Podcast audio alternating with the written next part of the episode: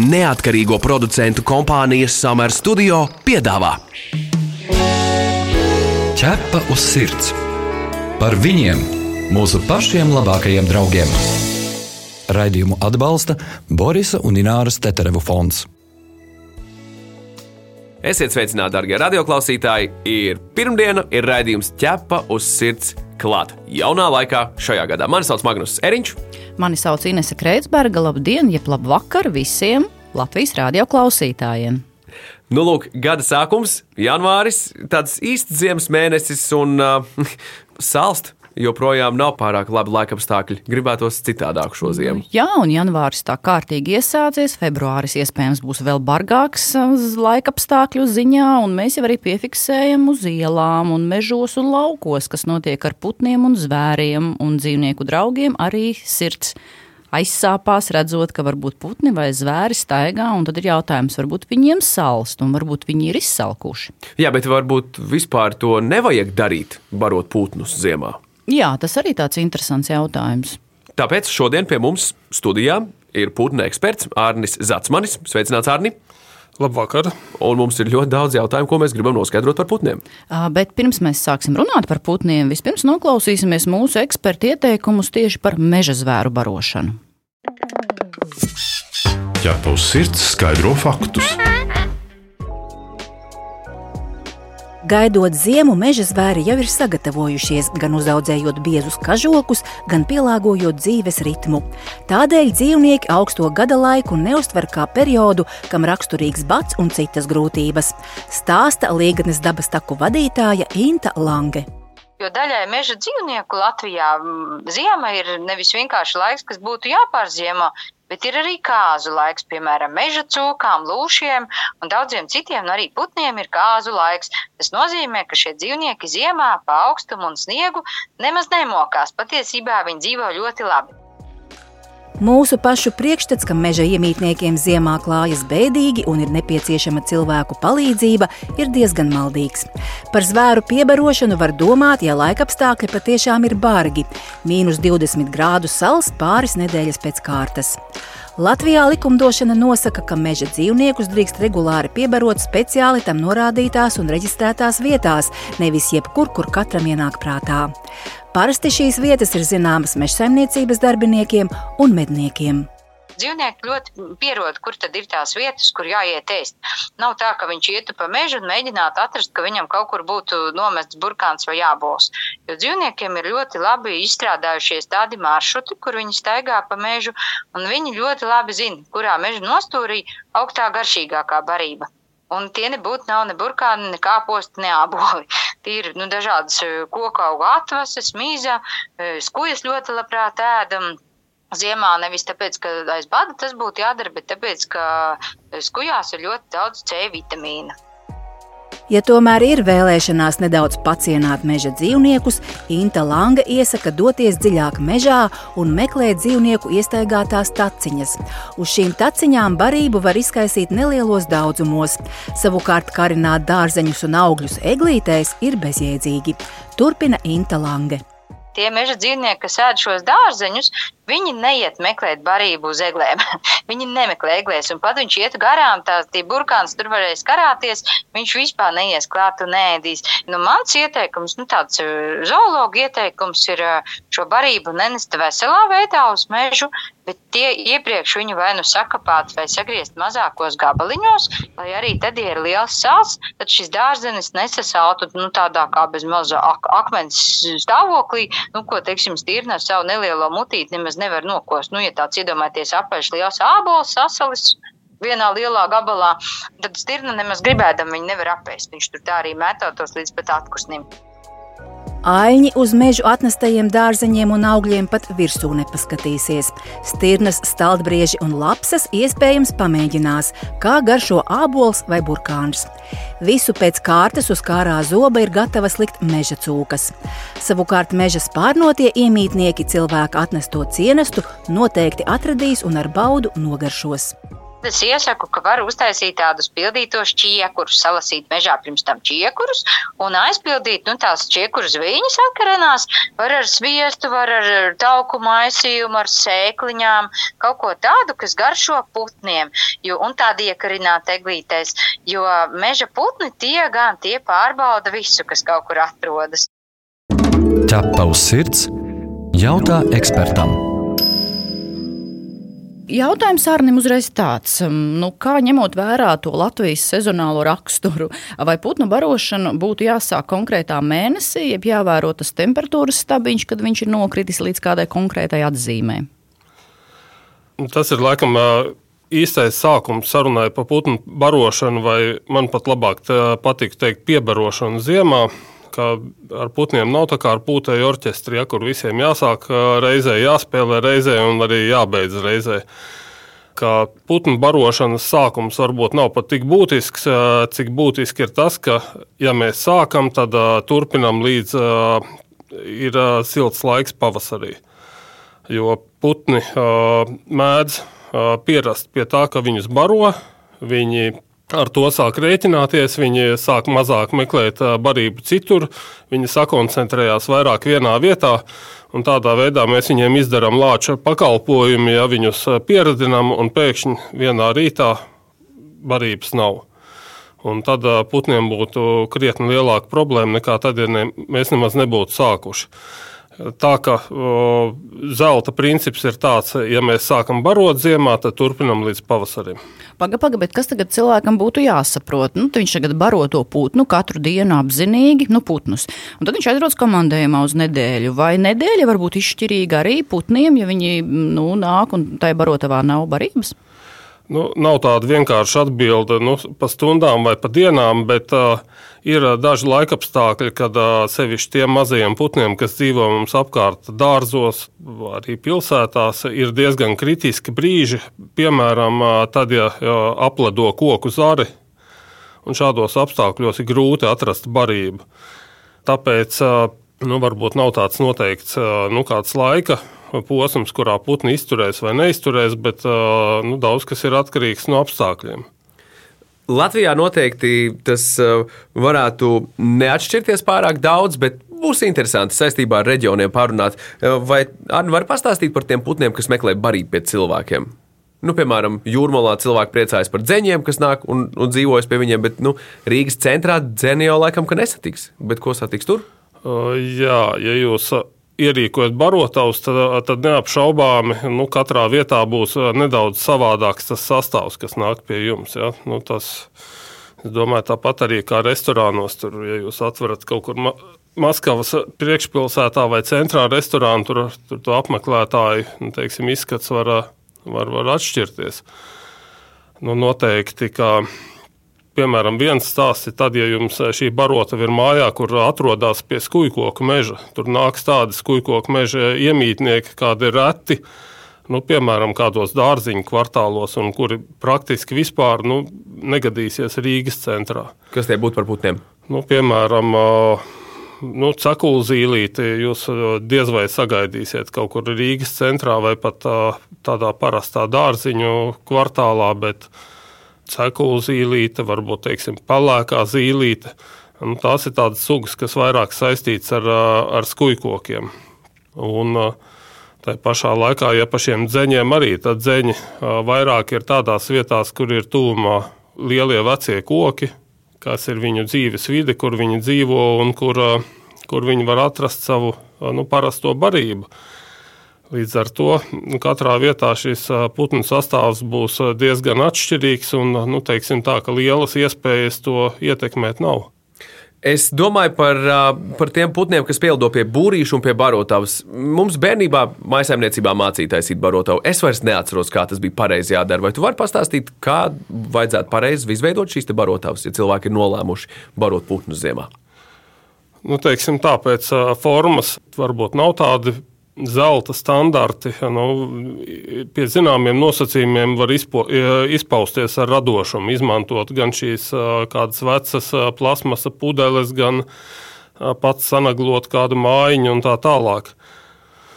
Teiksim tā, ja mēs beram kādu graudu barību, tās pats ideālākā gadījumā saulespuķu sēkliņas, citus graudus, tad ir skaidrs, ka labāk, ka tā ir kāda, teiksim tā, nu, mājiņas veida barotava, kurai jumts, lai tur galīgi nu, nelīst iekšā, kurai pamatne un varbūt pamatnē aplikt apkārt maliņu, lai putni, nu, teiksim, neizšķēda tos graudus apkārt. Teiksim, tas ir un šāda variācija. Varbūt, varbūt tā ir vienkārši iekarnāta pudele ar izgrieztu caurumu, kurā tas putns var ielīst un paķert to pārtiku, vai arī skaista mājiņa. Cits variants, protams, ir nu, teiksim, tāds vienkāršs, mums, nezinu, mums senču, senčos droši vien izmantotais, ka var piekārt kaut kādu speķādiņu, iekārt zarā vai, vai pie loga. Uh, Un, un viņa, tas ir vienkāršs līdzeklis. Speķis tātad tas ir ilgi. ok, tas ir laba lieta. To arī šo senču tradīciju var turpināt arī šobrīd. Ja? Speķi var dot. Jā, nu, pr protams, pie nosacījuma, ka tas nav sālīts kūpināts speķis, ja, ko dažreiz varbūt pat viens pats otrs cilvēks arī diezgan grūti var. Varbūt grūtības ar gramošanu, bet nu, teiksim, tā speķādiņa nu, tā nu, tiešām ir klasika. Tu esi mans draugs ķepa uz sirds. Kā tad īsti tur ir ar to hierarhiju pie putnu barotavām? Kuri putni ir bosi, kuri uzvedas kā, kā svarīgākie, kuri nogaidīs un uh, savas darbības veiks tad, kad viss būs aizlidojuši? Faktiski tas interesantākais, ko jūs varat iegūt, kad jūs iekārtojat barotavu un arī paši vērojat. Uh, Nu, pēc laika noteikti jūs pamanīsiet, ka arī uh, savas sugas ietvaros, teiksim, ja, nu, tā, vai nu tās lielās zīlītes, vai, uh, vai teiksim, lauka vai pilsētas zvirbuļi, ka tur ir daži tādi bosi, kuri ēda pirmie. Un pārējie vai nu ēd otrie, vai cenšas īsi pielidot klāt, noķiept kaut ko un tad palidot malā. Uh, Bet ar ko tas ir saistīts? Kāpēc, piemēram, zīlīte paņem sēkliņu un aizskrien, bet zvirbulis apsēžās un nelaiž citu un izspārda vēl to barību? Ar ko tas ir izskaidrojams? Ar sugas īpatnību, vai ar izmēru, vai ar, vai ar smadzeņu daudzumu? Nu, Garas stāvoklis tas noteikti nebūs.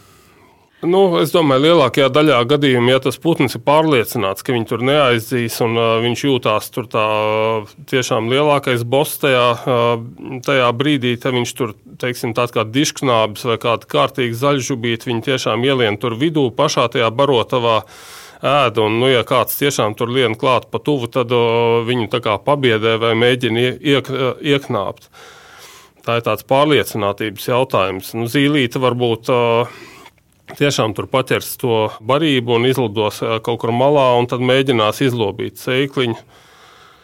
Tā ka nu, tie gadījumi ir pietiekoši individuāli, un arī putnu uzvedība atšķirās pat vienas sugas ietvaros, ka ir savi, savs stils.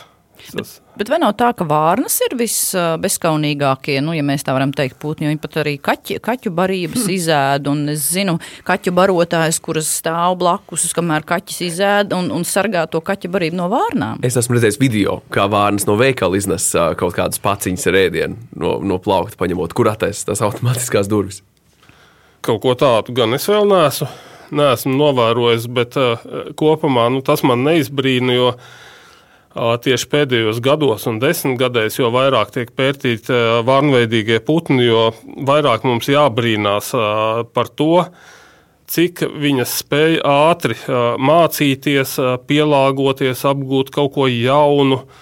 Un, un tas ir sākot no tā, ka Japānā šie skaistie safilmētie kadri, kur vārnas nomet krustojumos riekstus, kur mašīnas brauks pāri pie tam tādā vietā, kur viņas arī brīžiem pietur, lai pēc tam šos sabrauktos riekstus var savākt.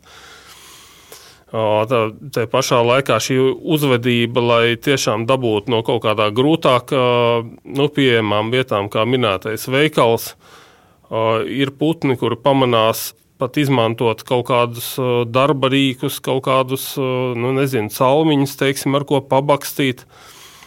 Un, un, uh, lai cik interesanti nebūtu, arī tie pētījumi rāda, ka varnveidīgiem ir dažas jomas, kurā viņi ir gudrāki un spēcīgāki, intelektuāli spēcīgāki, ja tā varētu teikt, pa mūsu tuvākajiem radiniekiem, lielajiem pērtiķiem, gorilām un šimpanzēm. Vai ir iespējams tā, ka es pielieku pie savām mājām kaut kur, pieņemsim, lauku teritorijā putnu barotavu, bet putniem nepatīk un viņi nelido pie manis ēst Vai varbūt šāda situācija? Nu, ne tikai lauku, bet, piemēram, es tagad gribu piebarot putnus. Es dzīvoju, varbūt pilsētā, es izkaru barotavu, gaidu, gaidu, un nekas nenotiek. Okay. Jā, nu, protams, jautājums ir pamatots. Putns varbūt mazāk interesēs, nezinu, mājas dizains, krāsa un kaut kādas citas lietas, kas mums vairāk interesē. Teiksim, sīkiem putniem no šī komforta viedokļa vai no tādas puses skatoties no viņu skatu punkta ir diezgan būtiski, lai tuvumā barotavai būtu kāda potenciāla vieta, kur noslēpties gadījumā, ja lido viņa dabīgais ienaidnieks, nu, piemēram, zvirbuļvanaks. Jo šie zvirbuļvanagi arī, arī mēdz kļūt par barotavu putniem, tikai, protams, ka viņi nav veģetārieši, bet viņi sāk mm. apmeklēt šīs vietas, ja viņi redz, ka kaut kur ir lielāka putnu koncentrācija. Un tad, protams, ideālā, ideālā variantā tam putnam, kas uh, iet uz barotavu, ja tūmā ir kaut kāds ērkšķains, biezs krūms vai vispār kaut kāds biezāks krūms vai lielāki koki, kur viņš var noslēpties.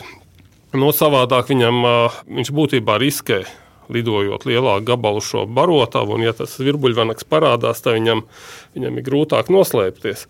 Tā ka tas stipri ietekmē to barotavu popularitāti, piemēram, šāds apstākļus. Atgādinām, ka pie mums šodien studijā ir putnu eksperts Arnis Zatsmanis, un mēs runājam par to, kā pareizi piebarot putnus ziemā. Šo radio pārraidi varat dzirdēt arī podkāstu formā, populārākajās straumēšanas vietnēs, kā arī Latvijas radio mājaslapā, arhīvu sadaļā. Tu pazīsti kādu īpašu dzīvnieku draugu? Tavs kaimiņš vai kolēģis palīdz nelaimē nonākušiem suņiem un kaķiem? Varbūt kāds suns vai kaķis izmainīs tavu pašu dzīvi. Raksti mums, un mēs pastāstīsim šo sirsnīgo stāstu pārējiem klausītājiem. Iedrošināsim arī citus izdarīt kādu labu darbu. Gaidām jūsu vēstuli uz info atķepa uz sirds LV. Arni, visā jūsu pieredzē, vai ir kādi ieteikumi cilvēkiem, kuri kaut ko dara nepareizi? Nu, piemēram, tu entos gadus esi novērojis, ka cilvēki kaut ko dara nepareizi, un tu gribētu viņam kaut ko norādīt, pieiet klāt un pateikt. Parasti vairāk koncentrējas uz to, ko dara pareizi. Bet, ja nepareizi, nu, vēlreiz jāatkārtošu, ka šī lieta ar barī, barošanas pārtraukšanu ir numur viens, kas būtu nepareizi. Un, uh, es domāju, ka daudz citas lietas paši cilvēki, uh, barojot putnus, pamazām nonāk pie šī secinājuma. Nu, piemēram, viena lieta, ko vēl varētu ieteikt ar bieži apmeklētām barotavām, ir tomēr laiku pa laikam viņas tīri kaut kā meha mehāniski notīrīt, jo putniem arī tur ar laiku uzkrājās ekskrementi, viņi paliek netīri un kopumā tas nav, nu, tas nav labi. Nākošais, protams, ir lieta par barību. Par šo barību, ka pamatlietas, ka nedrīkst barot ar sāls piedavām vai arī teiksim, kaut kādām mūsu garšvielām vai ko tādu.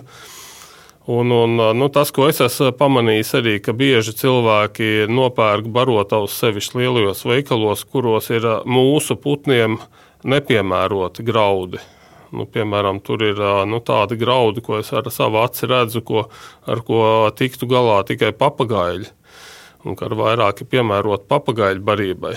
Piemēram, nu, ja jūs strādājat arī Briselē, tad, teiksim, tur izliekot šādu barību ārā, tur, tur viņi nonāks pareizajos vēderos, jo tur, teiksim, savvaļā dzīvo arī papagaļi, arī ziemas laikā. Bet nu, pie mums nu, šī daļa no šīs barības paliek neizmantota. Tās ir tādas pārdomas, kas dažreiz man rodās, kad es skatos putnu barību, kādu pārdod veikalos, ka tur ir uzzīmēts kukaiņādāja putns ar tievu knābīti, ārkārtīgi skaists un tāds simpātisks, un tā pašā laikā tā barība, kas ir iekšā, es domāju, tas putns ar to knābi vienkārši tur netiks galā.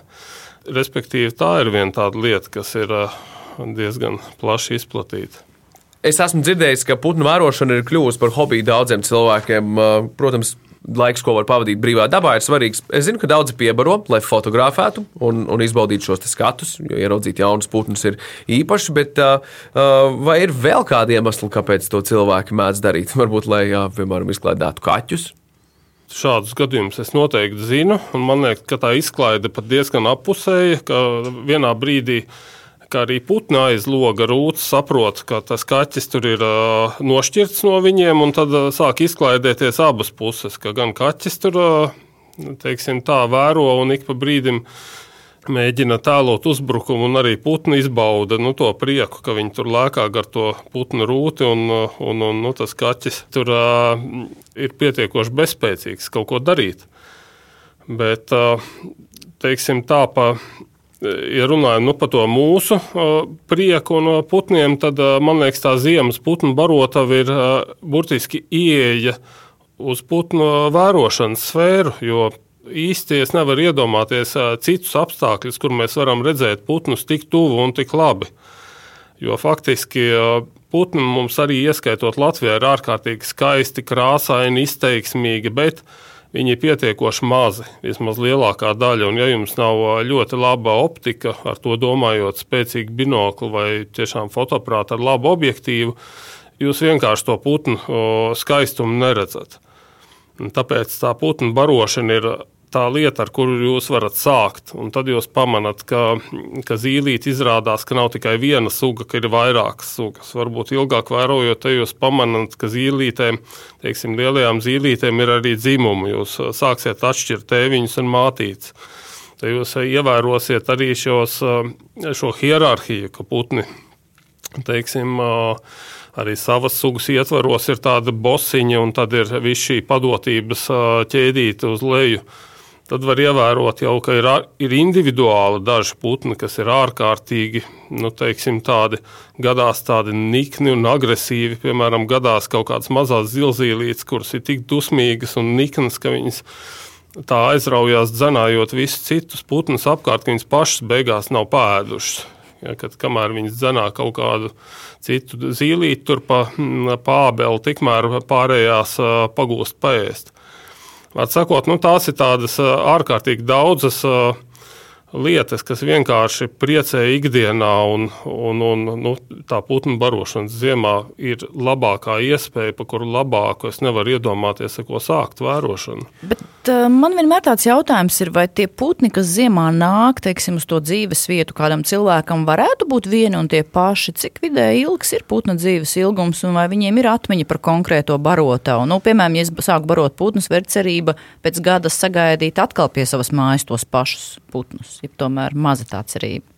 Liela daļa, kas tur barojās, ir nometnieki. Un, un, protams, ka viennozīmīgi atbildi ir jā, ka viņi atcerās, atcerā, atcerās šīs vietas. Un, un ļoti bieži arī ir, ir šī parādība, ka putni ziemā veido bariņus un viņi iznāk ārā nu, no savas pierastākās dzīves vietas vai teiksim, no meža un ar šo bariņu šī bariņa sastāvā ziemā apmeklē barotavus. Un, protams, ka šis putns to atcerēsies. Nu, kopumā pa tiem mazajiem putniem, ko mēs redzam barotavā, jāsaka, ka tur tādi, nu, tādi ārkārtīgi ilgdzīvotāji diez vai patrāpīsies, jo jau šiem mazajiem putniem ir ārkārtīgi liela mirstība, un sevišķi tas ir pirmajā dzīves gadā, kad viņiem jāiemācās atrast barību un izvairīties no briesmām. Un, faktiski pat 9 no 10 jaunajiem putniem aiziet bojā. Nu, kā un, viņi aiziet bojā visbiežāk? Viņi aiziet bojā. Nu, teiksim, tas pats augstums, barības trūkums, plēsējas, virbuļvanagi, piemēram. Varbūt arī iekšsugas konkurence, nu, piemēram, ka viņam ziemā grūti atrast labu vietu, kur pārnakšņot, palikt pa naktī, lai būtu pietiekoši nu, nezaudēt enerģiju augstajās naktīs. Uh, Tā ka viss tās ir gudrības, kas jā, jāapgūst, un ja šis putns ir izturējis to savu pirmo gadu, tad viņam tā cerība padzīvot vēl aizvien vairāk pieaug, jo viņš ir vienkārši individuāli gudrāks. Arni, vai tu vari mums atklāt, kas tev visvairāk sajūsmina putnu vērošanā? Kādas emocijas tu tur iegūsti? Nu, jāsaka, man nav pat ne, neviena tāda, nu, kā lai saka, uh, kaut kāda iemīļotākais veids, kā vērot putnus. Es pat teiktu, ka man vairāk patīk tā nenoteiktība, ka to vēro putnu un nekad nezina. Un ka tur vienmēr ir tā, ka kaut kas nenotiek no tā, ko tu gaidi, bet ļoti bieži tā, ka gadās kaut kas pilnīgi negaidīts. Un, un man, manuprāt, nu, tas tieši ir interesantākais putnu vērošanā. Bet kuru putnu tūplānā tu pats gribētu redzēt, ja savu sapņu putnu tu jau esi ieraudzījis? Nu, varbūt ir kāds, varbūt ne obligāti Latvijā, varbūt kādā citā valstī, bet varbūt ir kāds putns, kas tev liekas pats, pats, pats. Nu, teiksim, nu, no tādas uh, pavisam lielas eksotikas. Uh, Noteikti es gribētu redzēt skarpijas ērgli, kas dzīvo uh, džungļos, uh, Dienvidamerikā un, un faktiski lielāko daļu no pārtikas sastāda viņa barībā pērtiķi, ja, mazā, mazo pērtiķu sugas, kas ir putns, kurš ārkārtīgi viens no lielākajiem plēsējiem, kurš ārkārtīgi ilgi audzina to savu pēcnācēju, un nu, kurš ir ārkārtīgi grūti novērojams un atrodams. Es domāju, ka tas daudziem ornitologiem varētu būt tāds top top putns, ko būtu izcili pavērot, un sevišķi dabīgajā vidē, bet ko, nu, ko šādā veidā vērot būtu ārkārtīgi grūti. Nu, manuprāt, dzīvnieka analogs varētu būt sniega leopards no, no, no zīdītāju dzīvniekiem. Bet, teiksim, tepat no, no Latvijas putniem aizvien tādas it kā pierastākās ainas man nekad neapnīk, es ārkārtīgi interesi skatos, piemēram, tās pašas Vistvanagu, Vistvanagu baložu medības Rīgā, kas ir pietiekoši, nu, teiksim, tāds regulāri redzams skats. Kur to var redzēt Rīgā? Nu, to var redzēt praktiski visur, visur Rīgā. Teiksim, ziemas laikā, ja mēs gribam redzēt šo skatu, tad mums jau jāpievērš uzmanība baložu bariem, kuri diezgan, nu, teiksim, tā. Nu, piemēram, pie bērnu pasaules ir viens baložu bars, vai tur varētu novērot šādu piedzīvojumu? Jā, tur, tur es esmu redzējis, ka vanaks noķer balodi. Rīgas centrā, principā. Jā. Nu, piemēram, vēl diezgan laba vieta ir centrāla tirgus, kurā varbūt jūs dodieties pēc kādas vistas filējas. Bet uh, diezgan bieži to apmeklē vanagi, un tur arī aizlido no centrāla tirgus ar kādu balodi. Tā kā nu, mēs eh, parasti cilvēkiem ir tā, ka ja vienreiz viņš, viņam kaut ko parāda vai viņš uh, pamana, tad viņš to sāk redzēt aizvien regulārāk. Un, teiksim, šīs vanagu medības, teiksim tā, varbūt būtu izaicinājums redzēt no attāluma un nu, kaut kā pievērst tam uzmanību, bet ļoti bieži jau gadās, ka cilvēks uh, mājās kaut kur vienkārši sēž pie loga, un tas vanaks ar noķerto balodi tur ir uz uh, palodzes, un pat viņš tiek tur plucināts vai turpat uz kādas piebūvītas jumta. Tas pat labi jau, manuprāt, diezgan uh, daudz arī sociālajos tīklos filma, ir šādi safilmēti un safotografēti materiāli. Jā, nu paldies Arnim šodien par to, kā atnāci. Mums studijā bija Arnis Zatsmanis, runājām par to, kādus putnus un vai vispār piebarot. Man likās interesanti, Magnus, ko tu no tā visa saprati. Man, piemēram, liekas tas, ka ļoti interesanti, lai izklādētu kaķus. Es būtu gatava kaut vai divas barotavas uztaisīt, bet um, diez vai pilsētas centrā kāds putns man atlidot. Par to man žēl. Es domāju, ka atlidotu gan Inês, tev jāizmēģina. Es Labi. savukārt domāju par to, ka vasarā varētu brīvo laiku dabā pavadot, aizbraukt, piemēram, uz Babītas ezeru. Reiz man sanāca pastaigāties gar to uh, rudens laikā, vasarā varētu būt pavisam interesanti, jo es zinu, ka tā ir putniem mīļa vieta Latvijas teritorijā. Nu, rekā, un daudziem varbūt šis gads iesācies ar jaunu apņemšanos, vērot putnus arī nav slikti. Visur kopā - ķepus sirds! Paldies viesim, un, bet ko mēs dzirdēsim nākamajā nedēļā? Neskatoties uz dažna, dažādām problēmām, liekais svars, maskustība un nepareiza ēšana nav retums arī mūsu mīļiem. Un mēs tā izdomājām, ka šo gadu varētu skaisti sākt ar to, ka mēs varētu uzsākt tādu kā tievēšanas maratonu. Bet par to visu jau pēc nedēļas. Jā, bet šajā raidījumā tas ir arī viss. Mani sauc Inese Kreitsberga. Mani sauc Magnus Eriņš. Raidījumu veidoja neatkarīgo producentu kompānija Summer Studio. Visu labu! Atā! Ķepa uz sirds! Informatīvi izglītojoši raidījums par dzīvnieku pasauli un cilvēkiem tajā. Raidījumu atbalsta Borisa un Ināras Teterevu fonds.